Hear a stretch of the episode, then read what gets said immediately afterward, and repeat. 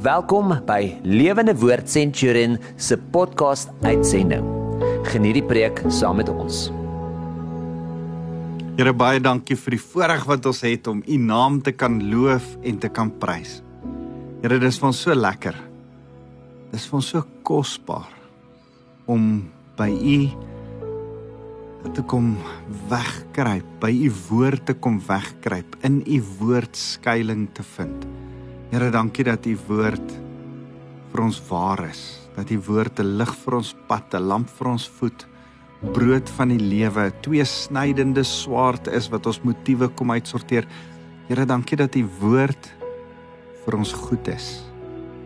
En en dankie dat ons die voorreg het om met mekaar oor die woord van God te kan praat. Ons eer U Here Jesus. Amen. En as as ek so saam met jou kuier dan uh, dan dan dink ek altyd ja, dit dis is eintlik so lekker om te besef die Here gee ons geleentheid om sy woord, sy Bybel saam te kan bestudeer. Nou my naam is Wouter van der Merwe, ek's van Lewende Woord Centurion en uh dis is vir my so lekker om om saam met jou te praat, te gesels. Ons praat oor oor oor Jesus in die werksplek. Ek en jy moet Jesus uitleef in die werksplek.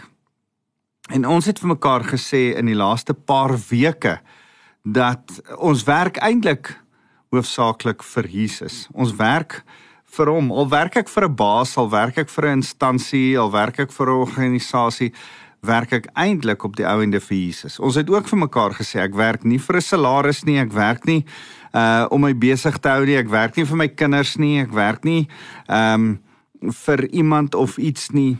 Ons werk vir die Here. Ons motivering vir werk moenie oor geld gaan nie. Moet gaan oor die Here. En die bonus is dat ons nog daarvoor betaal word ook. Die en en en dan dan besef ons dis nie die mense wat ons betaal nie. Die Here gebruik mense om ons te betaal. Maar eintlik betaal die Here ons. Hy versorg ons, hy voorsien vir ons.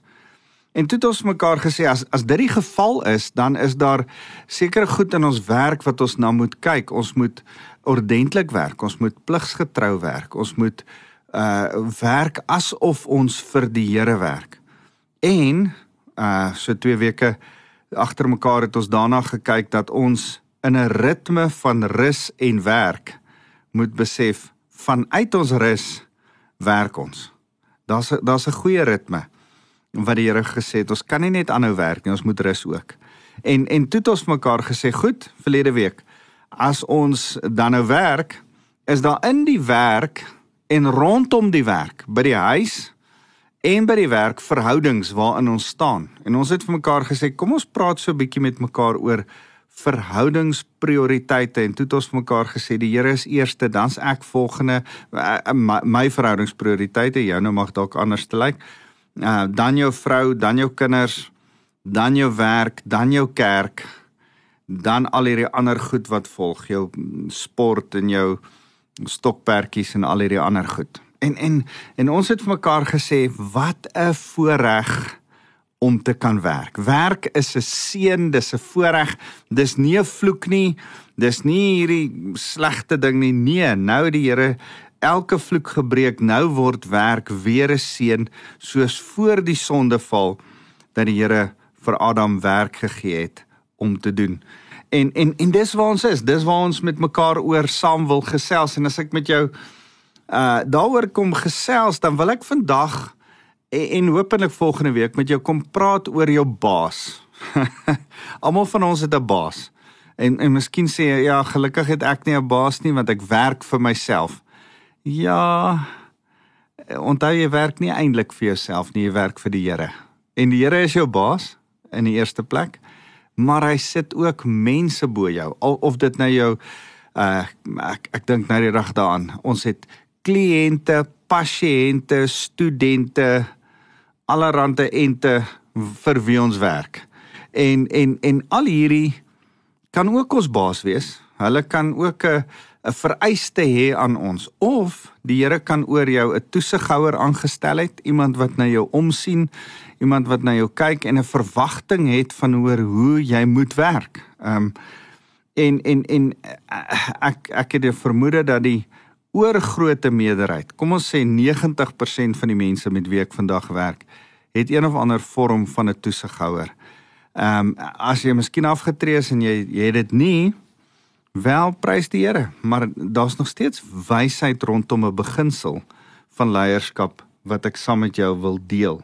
So as ek praat oor die werksituasie vandag dan wil ek met jou praat oor hoe kan ek my my leier lei? Hoe kan ek 'n uh, 'n leier wees by my werk al is ek die volgeling? Al het ek 'n baas, hoe kan ek my baas op 'n goeie manier beïnvloed? Want dit dit gaan eintlik oor invloed, nê? Nee? Goddelike invloed. Ek ek wil met jou daaroor praat. Jy jy werk nie net vir die Here by jou werk net om 'n gewone werk te doen nie. Jy werk eintlik om 'n goddelike invloed uit te oefen. En en daai goddelike invloed, daai invloed wat jy op jou baas het, uh het het, het Craig Rochelle vir my op die beste manier beskryf. Nou ek het aan 'n mooi Afrikaanse woord begin probeer dink, maar ek wil dit nie in Afrikaans vertaal nie. Ek gaan dit in Engels sê soos wat Craig Rochelle dit in sy sy leadership podcast van praat en hy praat oor en oor van leading up. En ek ek wil eintlik met jou vandag oor die beginsel van how to lead up gesels. To to lead up beteken dat ek my baas bidend op 'n goddelike manier met die wysheid van die Here beïnvloed om die regte ding te doen en nie die verkeerde ding nie. Hoor mooi. Leading up beteken nie ek trek hom in die afgrond in nie. Dis nie leading up nie. Leading up beteken nie ek kritiseer hom nie. Leading up beteken nie ek moun sodat hy moet doen wat ek sê nie. Leading up beteken nie dat ek uh hom manipuleer en dreig en dat hy dan sekere goed moet doen. Hy het geen ander keuse nie. Dis nie wat leading up beteken nie. Leading up beteken ek bid vir my baas. Ek ek ek bring 'n ander gesindheid.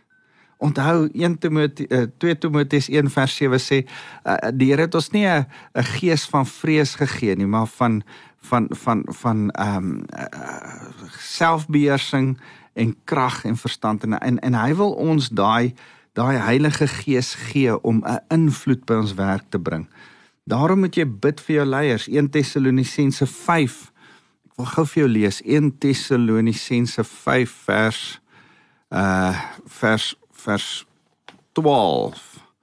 Hy praat nou oor leiers in die kerk, maar dit geld ook vir die leiers by die by die werk want Romeine 13 vers 1 sê dit, maar hy sê in 1 Tessalonisense 5 vers 12, maar ons vra julle broers om respek te betoon aan diegene wat ywerig onder julle werk en julle in die naam van die Here voorgaan en teregwys en om op grond van hulle werk grond van hulle werk, hulle harde werk in liefde en met die hoogste agting teenoor hulle op te tree.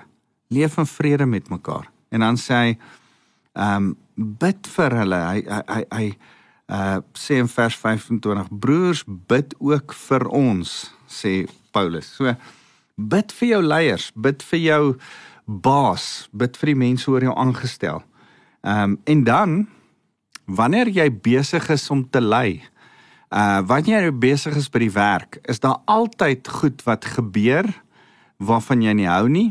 Um 'n uh, manier hoe jy behandel word waarvan jy nie hou nie en as jy nie kan regkry om jou hart te bewaak nie, gaan jy nie inspraak reg tot inspraak verdien in jou baas se lewe nie. As as as wanneer jou baas jou nie mooi behandel het nie of goed doen wat nie vir jou lekker is nie of omstandighede by die werk gebeur wat nie vir jou uh heeltemal so nice is nie. Ehm um, dan moet jy jou hart bewaak meer as enigiets wat bewaak kan word want dit is die fontein van lewe sê Spreuke 4 vers 23. So so kan ek net vir jou sê voordat ons begin vandag met mekaar oor hierdie beginsel van leading up begin gesels het jy nodig om voor alles jou hart te bewaak meer as enigiets wat bewaak kan word jy moet kies om te bid vir jou leiers en dan moet jy besef dat jy die Heilige Gees nodig om jou te help met wat ons wat ek jou nou gaan leer. Nou nou onthou dat Jakobus 3 vers 1 sê hierdie interessante ding. Hy sê moenie almal leermeesters wil wees nie. Moenie almal leiers wil wees nie. Moenie almal baase wil wees nie, my broers.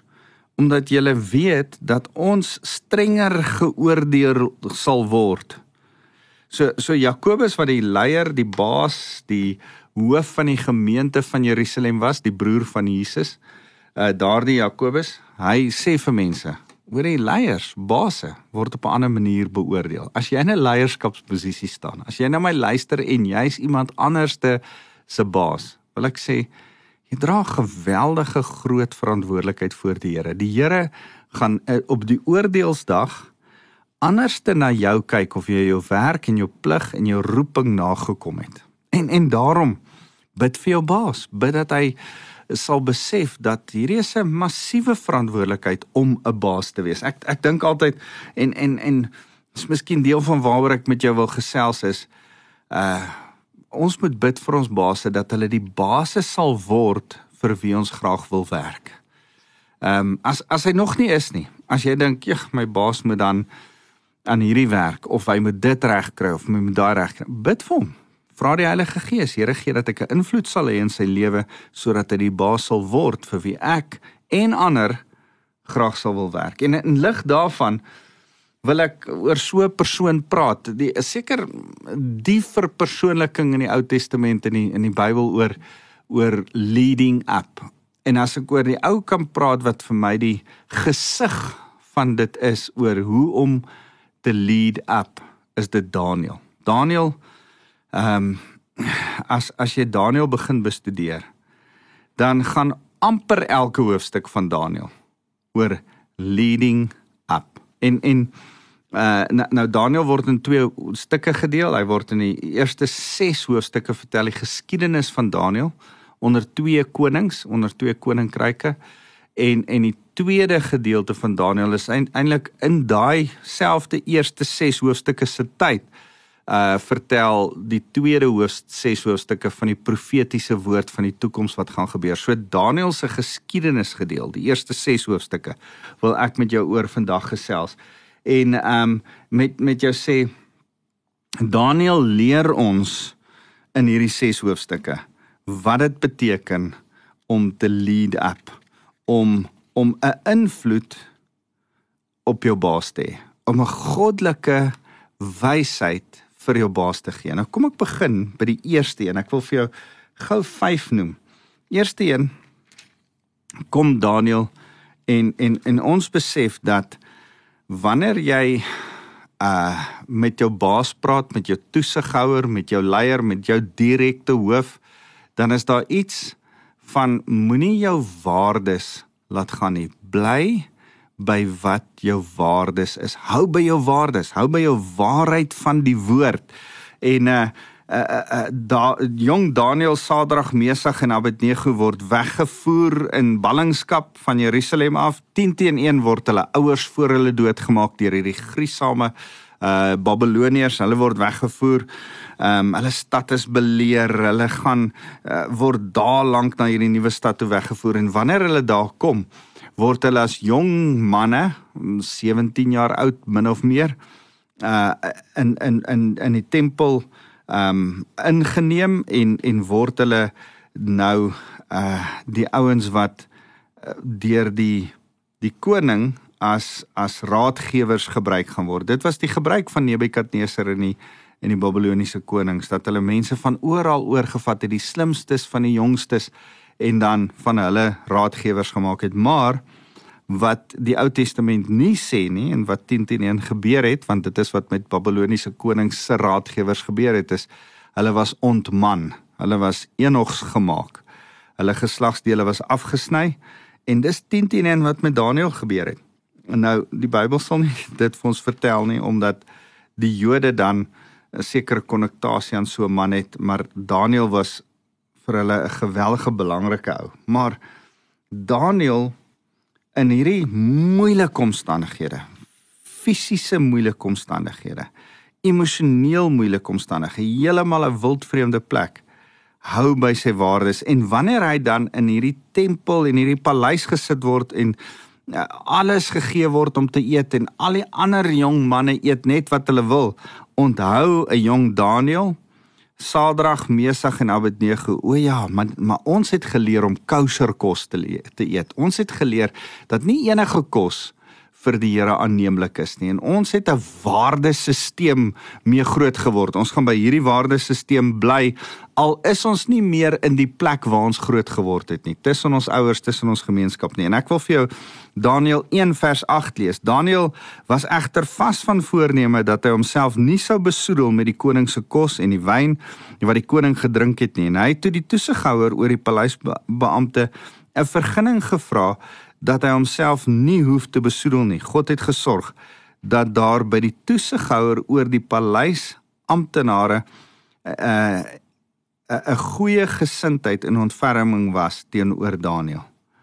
Ehm um, en en en ek dink so as jy bid vir jou baas, as jy bid vir jou direkte toesighouer, dan kan die Here bo-natuurlik ingryp soos wat hy met hierdie toesighouer gemaak het en kan die Here vir jou guns gee. Ek dink altyd aan daai mooi skrif in in in in Lukas 2 vers 52 wat sê en Jesus het gegroei in guns by God en by mense. Ons kan groei in guns by God en by mense. En dis wat met met 'n jong Daniel gebeur en dan uh, sê Daniel vir vir hierdie selfe toesighouer, toets asseblief die dienaar 10 dae lank Hulle moet ons van die uh, uh hulle moet ons van die groente gee sodat ons dit eet en water sodat ons dit drink.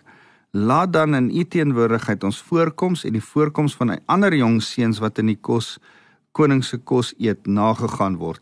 Vergelyk dit met mekaar. Handel dan met u dienaars volgens wat u sien.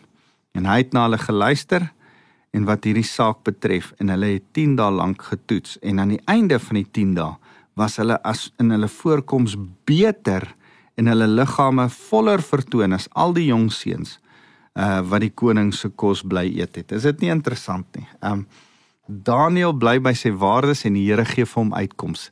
Deur die wysheid help die Here vir Daniel en die en eintlik uh wen Daniel nog verder guns by hierdie ou want want hy hulle lyk goed as hulle dan voor die koning uh bekend gestel word en en en en die koning um uh, vind by hulle uh geweldige wysheid vers 20 sê in die verband met enige saak wat wysheid en insig geverg het en waarvoor die koning hulle uitgevra het het hulle 10 maal beter gevind as al die waarseer priesters en golaars in sy hele koninkryk. So Daniel het sy toesighouer, sy direkte toesighouer gehelp om 'n beter werker te wees. En so was hy vir Nebukadneser 'n beter werker. Hou by jou waardes. Die tweede ding wat ek vir jou wil sê is Um uit visie gehad. Hy het uit die groter prentjie raak gesien. Op 'n stadium met Nebukadneser in die tweede hoofstuk 'n droom oor die eindtye en en dan kom uh, dan dan uh, besluit Nebukadneser niemand kan sy droom uitlê nie. Hy gaan al die wysgeers uh al die raadgewers dood laat maak. Waarvan die jong Sadrag, Mesig en Abednego en Daniël dan nou vier van hulle was en en toe hulle toe daar vir hulle gekom word om om om hulle dood te maak, sê hulle wow wow wow, wag gee ons daarom ook net 'n kans om na die koning toe te gaan en in die in die droom uit te lê. Um hulle het nie eers 'n kans gekry nie en en dan gaan kry hulle hierdie geleentheid en lê Daniël die droom uit vir die koning en uh En dan sê hy hierdie woorde: Daar is egter 'n God in die hemel wat geheime openbaar en hy het aan u koning Nebukadneser bekend gemaak wat aan die einde van die dae sal gebeur. U droom, die visioen in die kop terwyl hy in die bed was, is die volgende. En dan gee hy die Here se woorde vir hierdie ou. En dan is hierdie ou verstom oor oor wat dit was. En en uh Vers 48 sê die koning het Daniël toe 'n hoë pos aangestel en aan hom baie groot geskenke gegee en hy het hom as heerser aangestel oor die hele provinsie Babel en as landvoog bo al die wyses van Babilonie. Daniël kon nie uh ouer wees as in sy vroeë 20s toe hierdie gebeur het nie, maar nogtans uh is die wysheid wat die Here hom wys om die droom van Nebukadneser te openbaar gee vir Daniël geleentheid tot bevordering. Kan ek vir jou sê, as jy visie het, as jy insig het, as jy sê ek sal by die Heilige Gees hoor sodat hy sodat ek die die die uh, die baas, die leier, die die die hoof van van ons organisasie kan help om vorentoe te kyk in die toekoms in en om te kan raad gee. Dan is daar 10 teen 1 vir jou ook bevordering in. Ehm um, dis dis altyd vir my so mooi dat ek besef dat uh, wanneer jy inspraak wil hê wanneer jy inspraak wil gee, moet jy eers toegang hê tot die persoon en wysheid van die Heilige Gees gee jou daardie toegang tot 'n persoon wat jou baie keer dan inspraak gee en die inspraak aanhoudende inspraak met wysheid het 'n gevolg van bevordering vir jou tot gevolg. So dis eh, so so onthou dit. Die eerste een is hou by jou waardes, die tweede een is eh, hê 'n groter visie oor waarheen die Here met jou werk op pad is. Jou jou skool, jou company, jou besigheid. Wat is eintlik hier aan die gang?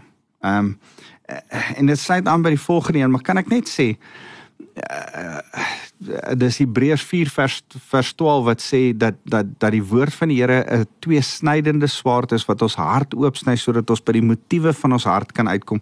En partykeer werk jy vir 'n plek en dan moet jy vir jouself sê, hoorie, wat is die motief van hierdie plek waarvoor ek werk? En en baie keer is hulle motief om geld te maak. En dan moet jy vir jouself sê, Here, kan ek vir vir U bid dat die koninkryk bevorder word eerder as as geld maak? Mag hulle motief reg getrek word deur die Here self. Bid vir 'n visie, vir bid jy die visie in vir jou plek waar jy werk. Die derde ding wat wat vir my belangrik is wat ek in hoofstuk 3 agterkom van Daniël is dat Daniël het verstaan wie hy is. Hy het sy identiteit geken en so ook sy vriende. Hulle het geweet wie hulle is. Nou op op 'n stadium word hulle beveel deur die koning self om te buig voor 'n beeld. Die die beeld wat die koning in die droom in hoofstuk 2 gesien het, bou hy. En dan bou hy dit van goud en hy dink dis hy en hy laat mense in hoogmoed voor hom buig. Ehm um, en dan besluit hierdie ouens, ons weet wie ons is in, in die Here. Ons vind nie ons identiteit in die feit dat ons regerders is nie. Ons vind nie ons identiteit in die feit dat ons goeie werkers vir die koning is nie. Ons hoef nie aangeprys te word deur die koning nie. Selfs wanneer hy vir ons kwaad is, weet ons dat ons identiteit in die Here lê en in die Here alleen. Miskien as jy by by die werk en dink jy, man, as die as as my baas vir my sê, "Well done, goed, mooi so," dan dan dan, dan kry ek my identiteit daarin. Miskien kry jy identiteit in 'n titel of in bevordering. En die Here sê, dis nie waar jou identiteit behoort te lê nie. Voor al die goed voordat jy die werker is wat jy is, voordat jy die titel voor in jou naam het, voordat jy die geleerdheid het, voordat jy die aanprysing kry, voordat jy die bonus kry, voordat jy die uh uh uh enige iets by die werk se erkenning kry, moet jy eers weet dat Johannes 1 vers 12 waar is van jou lewe. Aan almal wat hom aangeneem het, het hy die reg, die voorreg gegee om kinders van God te, te, te genoem te word. Jy is 'n kind van God. Dis jou identiteit. En in daardie identiteit kan jy 'n beter werker wees. Dis wat met Daniël gebeur. Daniël uh, se drie vriende, hulle besef wat hulle identiteit is en en en en ek wil vir jou lees vers 28 van hoofstuk 3 van Daniël. Uh vers 28 sê Nebukadnesar het daarop gereageer en gesê dis nadat hulle nie wou buig nie ehm um, hulle in die vuur oond gegooi is. Nebukadneser gesê het, het het ek nie net 3 manne in die vuur oond gegooi nie. Nou staan 'n vierde een en die vierde een lyk soos 'n gode seun. God se seun. Jesus verskyn self in die vuur oond saam met Sadrag, Mesach en Abednego. Nebukadneser laat hulle uithaal. Hulle ryk nie eers soos rook nie en dat hulle 'n ontmoeting met Jesus in die vuur oond gehad en dan en en en na alles dan sê Nebukadneser Uh die God van Sadrag, Mesig en Abednego moet geprys word. Wat sy engel gestuur het en sy diensknegte gered het. Engel beteken boodskapper. Jesus is ook ons boodskapper. En sy diensknegte gered het. Hulle wat op hom vertrou het. die bevel van die koning verontagsaam en hulle liggame op die spel geplaas het omdat hulle geen ander god behalwe hulle God sou dien en vereer nie. Is dit nie mooi nie? Hier erken Nebukadneser dat daar net een God is. Hy sê 'n bevel word deur my Nebukadneser uitgevaardig dat enige volk, nasie en taal wat iets godslasterlik sê teen die God van Sadrag Mesag en Abednego se ledemate afgekap sal word en sy huis in 'n vullishoop omskep sal word want daar is nie 'n ander god wat so kan verlos nie. Daarna het die koning Sadrag en Mesag en Abednego voorspoed laat beleef in die provinsie Babel. Hulle hulle staan by hulle identiteit, hulle weet wie hulle is, het hulle nie die knie laat buig voor 'n valse beeld nie. En deur die Here wat hulle red, het hulle die geleentheid gegee om hulle koning te lei. 'n Goddelose koning te lei na 'n punt toe waar hy kon sien dat hy nie eintlik die koning is nie. Die koning van die konings is die koning. Die Here lei. So vir my so mooi, hou by jou identiteit. Die volgende een is bly lojaal.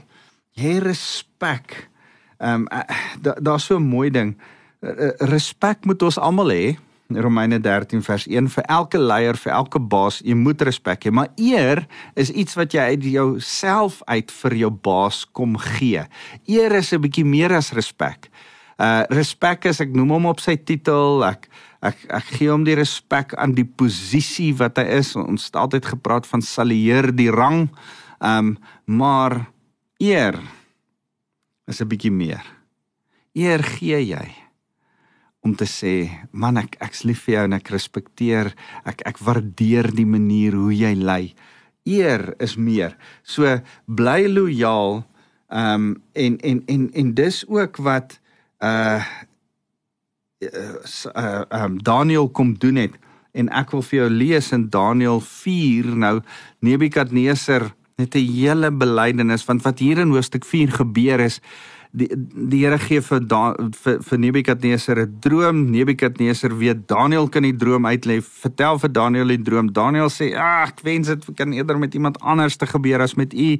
Maar jy gaan vir 7 jaar soos 'n wilde dier rondloop en dan gaan die Here jou koningskap vir jou teruggee.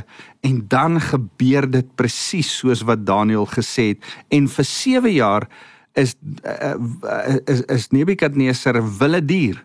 En pas Daniel eintlik sy koninkryk op word Daniel eintlik die die inplek koning in in in plek van Nebukadneser die koning. En hou hy dit en na 7 jaar gee hy die koningskap terug vir Nebukadneser. Nebukadneser kom in hoofstuk 4 volgens my as ek dit reg lees eintlik tot bekering as jy gaan lees dit dis die mooiste mooiste hoofstuk ehm um, Nebukadneser bely die ware God van Daniel as die God, as die enigste God. En dan sê vers 37: En ek Nebukadneser besing en verheerlik en eer nou die koning van die hemele, omdat al sy werke waarheid is en sy paaie reg, omdat hy hulle wat met trots rondloop kan verneder. Hy praat van homself. En en en eintlik is dit so mooi dat ten spyte van sy trots, ten spyte van sy hoogmoed, het Daniel aan Nebukadneser lojaal gebly en hom geëer. En dan kom die Here en omdat Daniël inspraak het as gevolg van sy lojaliteit en sy eer, luister Nebukadneser vir hom en gee die Here 'n geleentheid dat Daniël Nebukadneser op 'n moeilike manier na die Here toe kan lei.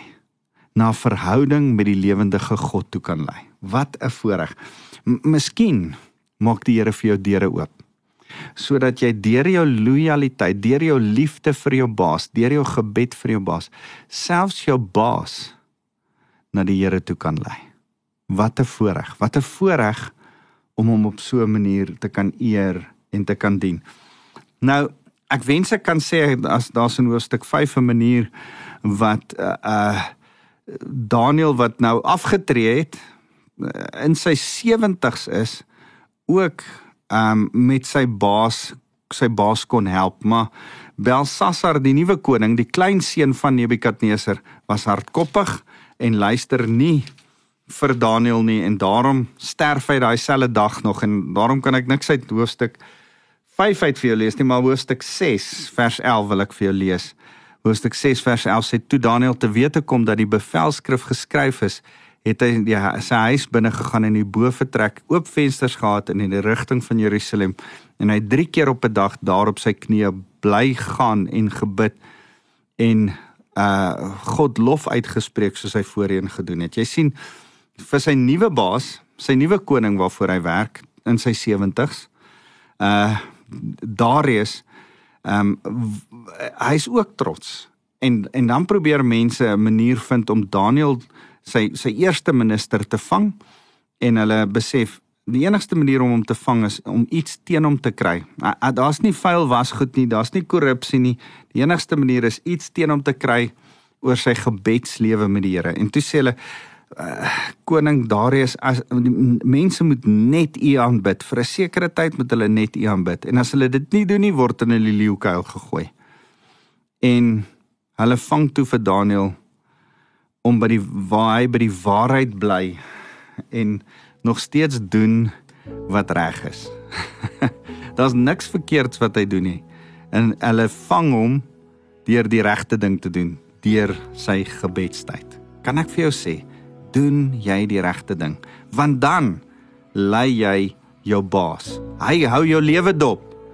En dis hoekom Darius hartseer was toe toe Daniel in die leeukuil gegooi moet word en en hy die hele nag niks eet nie en en en en sit en en dan kom hy en dan sê hy in vers 21 Daniel dienskneg van die lewende God was jou God wat jou voortdurend dien en staat om jou te red van die leeu's en natuurlik het die Here hom gered en begin hierdie ou self ook die Here prys sal jou baas Jesus in jou sien.